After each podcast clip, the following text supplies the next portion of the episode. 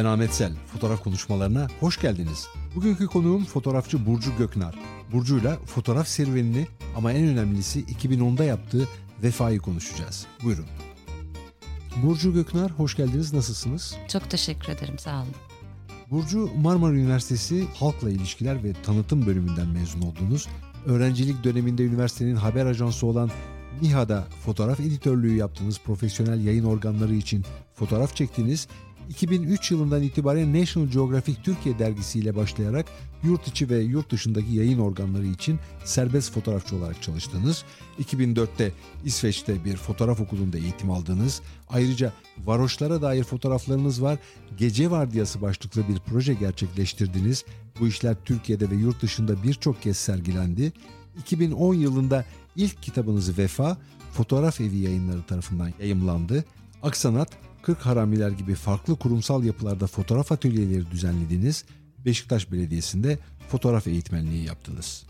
Vefa sizin yaptığınız işler içerisinde önemli kurucu bir iş olarak ortaya çıkıyor. Ama ona gelmeden önce biz sizin fotoğraf hayatına nasıl girdiğinizi irdeleyelim diyorum. Nasıl fotoğrafçı oldunuz? Sokakla bağımın olmasını istiyordum. Bunun için de ilk bulduğum yöntem aslında bir makine sahibi olmaktı. Çünkü ben askeri lojmanda büyüdüm babamın görevi nedeniyle. Çok korunaklı bir alandı orası aslında. Böyle bir simülasyon yaratıyordu ve sokakla bağı da kesiyordu. E, o uslu çocuk olmaktan çıkmak istediğin yıllarda ben Marmara İletişim Fakültesine girdim ve burada haber ajansında tam aradığım yeri bulmuştum aslında. Uzun soluklu belgesel projeler üretmeye başladım. Lisansım halkla ilişkiler ve tanıtım olmasına rağmen halkla ilişkilerci olmayacağım daha ilk senesinde belliydi. 99-2000'lerde Türkiye'de birçok profesyonel yayın organına iş üreten Marmara İletişim Haber Ajansı benim de yuvam oldu. Orada fotoğrafta uzun soluklu projeler ürettim. Hayatımın ayrılmaz bir parçası oldu fotoğraf. Peki vefaya gelmeden, üniversiteden çıktıktan sonra ilk işleriniz hangileri oldu? Hemen üniversite sonrasında çoklu projeler devam ediyordu aslında. Ben bir yandan National Geographic dergisine editoryal işler üretmeye başlamıştım. Ama Gece Vardiyası adını verdiğim bir projeye odaklanmıştım uzun zamandır. Bu Kuştepe'de yaşayan iki kız kardeşin hayatını işlediğim, tanıklık ettiğim bir projeydi. En yoğun çalışma takvimi 2003-2005 arasında tekabül ediyor. Sonrasında da aralıklarla devam etti o hayatların değişimine paralel olarak. Ama gece vardiyasından önce İFSAK Uluslararası Fotoğraf Festivali kapsamında yayınlanan karma bir sergimiz vardı. Varoşlar adı altında. İstanbul'daki varoş mahallelerinde İstanbul'un çeperlerine odaklandığımız her birimizin farklı MİHA öğrencilerinden bahsediyorum o zaman için.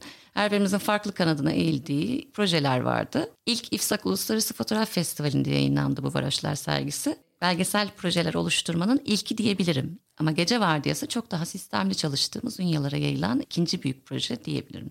Sizi nasıl karşıladılar? Neden orada olduğum sorusu belli aralıklarla yinelendi arkadaşlıklar geliştikçe, benimle kurdukları bağ arttıkça fotoğraf makinesinin çok da kıskanıldığını gördüğüm zamanlar oldu. Bu durumda ben çemberin bazen içinde bazen dışında olmak durumunda kaldım dengeyi korumak için. Ama hayatlarının hatta evlerinin tam ortasındayken, iş yerlerinin tam ortasındayken üretildi bu proje. Karşılaştığınız kız kardeşlerle ilişkiniz nasıl ilerledi? Nasıl başladı ve nasıl ilerledi diyelim aslında. İlk çektiğim karelerin bir dergi için olduğunu söylemeliyim.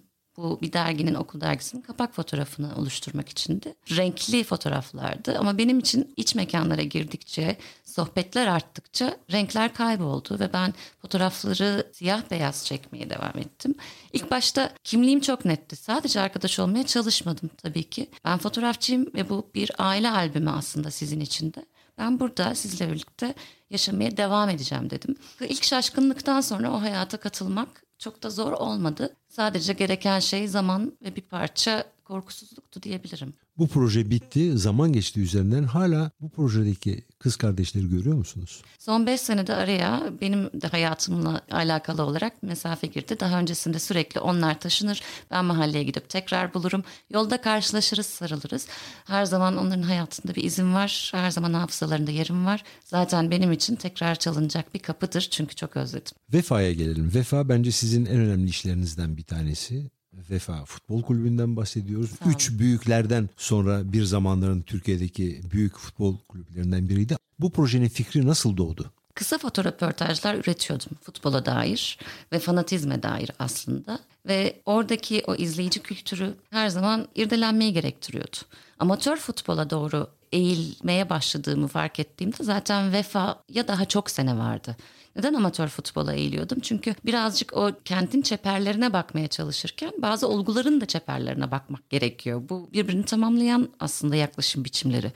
Amatör takımlardaki o tutunma hali, tutunma çabası, o sevda hali bir yerden sonra şiddet içeren tarafla çok farklı bir görüntü sergiliyor. Belki de o romantizm şu anki o amatör takımların kendi romantizmi her halükarda bir fotoğrafçıya çok daha yürüyecek yol açabilir diye düşündüm. 2008 senesinde Vefa 100. senesini kutluyordu. Ve 100. yılını kutlayacak da bir kutlama yapacak da ekonomileri yoktu. Zaten geçmişinde benim amatör futbolla ürettiğim projeler olduğu için Vefa'nın kapısını çaldım ben. Başladığımda sıradan futbol fotoğrafları geliyordu. Sadece idman fotoğrafları geliyordu.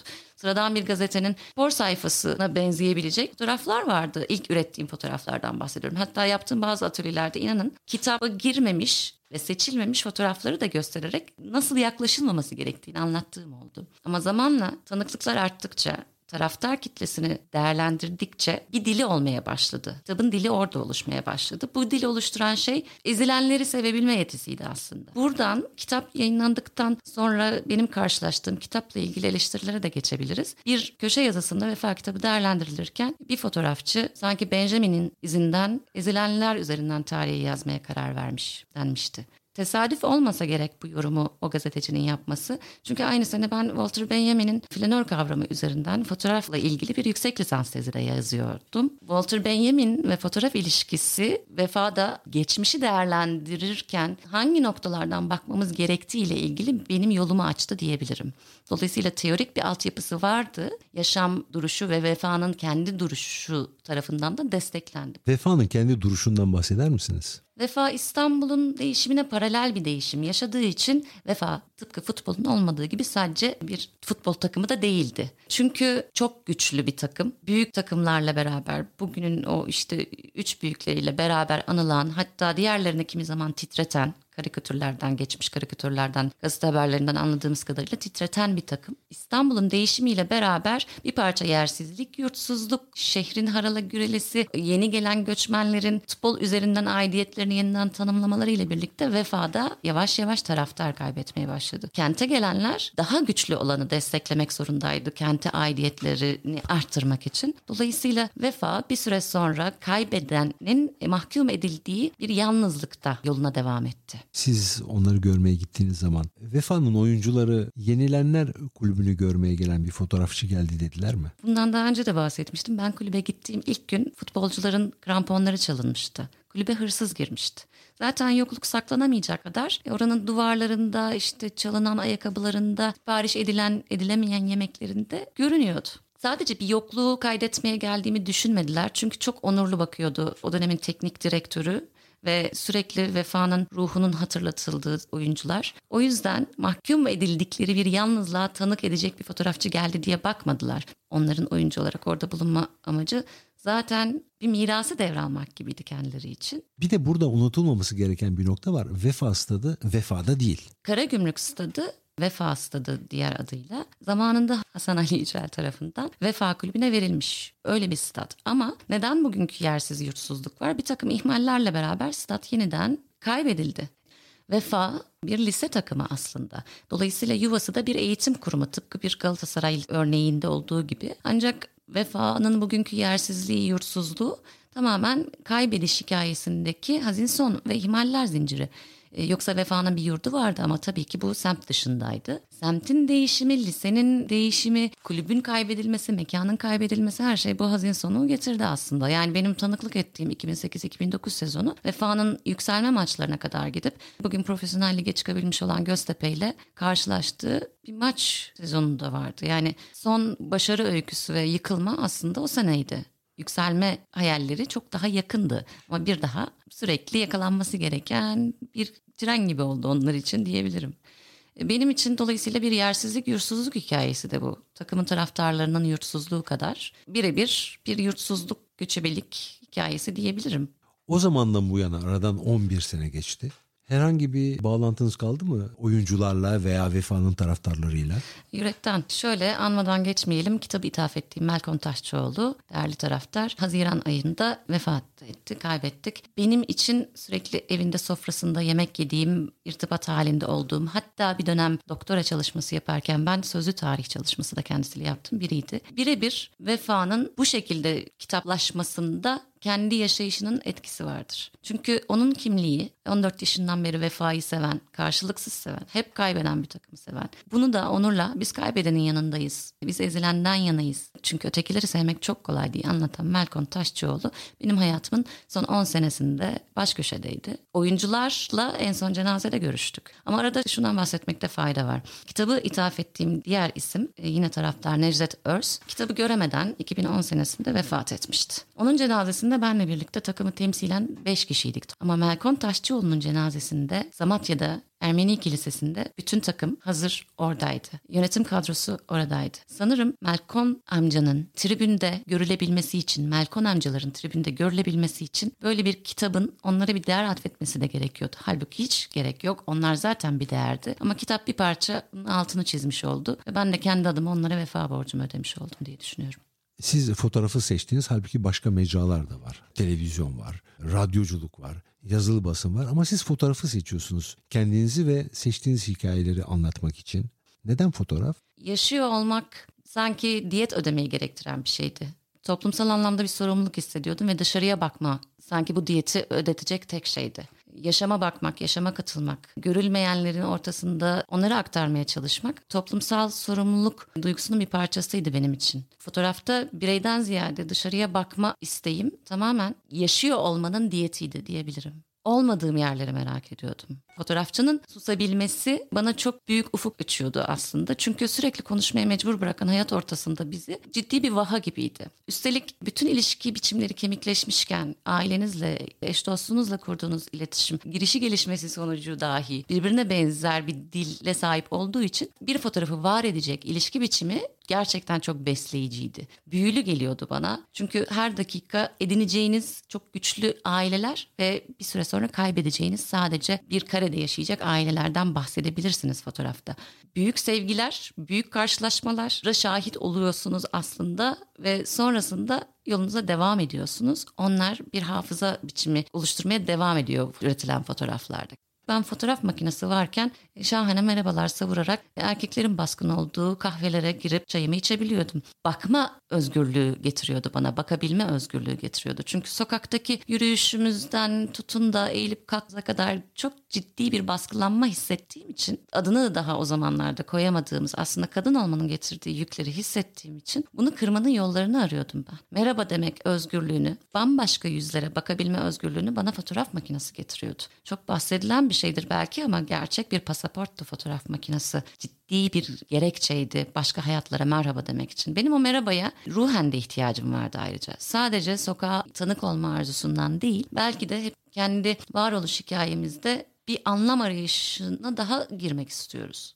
Peki erkeklerin egemen olduğu bir fotoğraf dünyasında bir kadın olarak var olmak kolay mı? Bu soruya evet yanıtını vermek çok zor. Önceki söyleşilerinizi de takip ediyorum. Zaten bu temsiliyet sorunuyla ilgili her kadın fotoğrafçının serzenişleri var, haklı serzenişleri var. E, var olmak kolay değil, elbette kolay değil. Ancak değişenlere bakınca da bir yandan çok ciddi bir karşı çıkış var. Çok ciddi bir e, itiraz kültürü oluşmaya başladı sanki. Bunun getirdiği de bir değişim var karşılıklı. Sonucunu göreceğiz yavaş yavaş. 99 senesinde ya da 2000 senesinde ben daha fotoğraf yeni başlamışım. Hatırlıyorum basın fotoğrafçıları takvimi yapılmıştı. Tam kaynağını hatırlamıyorum ama 12 ayın 12'si birden erkekti. Ve ben bu basın fotoğrafçıları takvimine eleştirel gözle bakamayacak bir erkek dünyasının ortasındaydım. Bu aynı zamanda bir gelenek paylaşımıydı o erkek dünyası dediğim meslektaşlar ama aynı zamanda kadınların olmadığı, temsiliyet sorununun hiç tartışılmadığı bir dünyayı temsil ediyor. Bunu kırmak için hem diğer kadınlara erişebilmek hem de özgürleşmek gerekiyor aslında. Fotoğrafın o yalnız doğası bize aynı zamanda diğer kadınları buldurmalıydı. Bulduruyor da bu. Buldunuz diğer kadınları ve bir araya da geldiniz. Hatta kendinizi birlikte ifade ettiğiniz bir platform da var. Varız buradayız.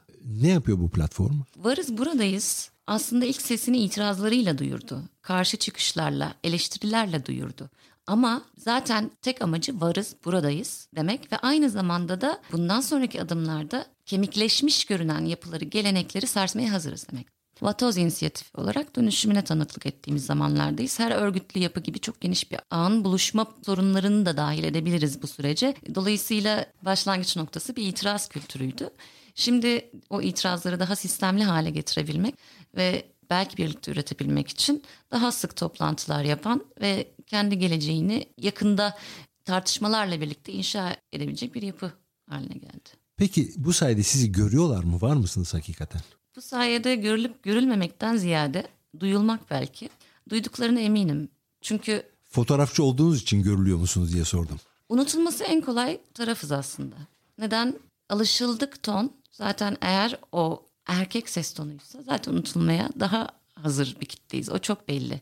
Neden? Görünürlüğün fazla olmadığı, sistemin dışında biraz kalmak istediğin bir dönem geçirdiysen gerçekten hatırlanması en zor taraf oluyorsun. Ama varız buradayız sayesinde bu cümlelerin kurulabildiğinin duyulması bence önemliydi. Kurulabildi ve varız buradayız cümlesini duyduktan sonra bazı yapıların eskisi gibi olmadığını da birebir şahit olduk. Bazı jüri üyelerinin sadece erkeklerden oluşan jüri üyelerinin değişebildiğini de gördük. Bunlar küçük kazanımlardı ya da yarın bir gün bir başka sergi organize edilirken kuratörün belki de kadın fotoğrafçıları unutmaması gerektiğini hatırlattı. Şunu da sormak istiyorum. Fotoğraf sizin hayatınızı değiştirdi mi?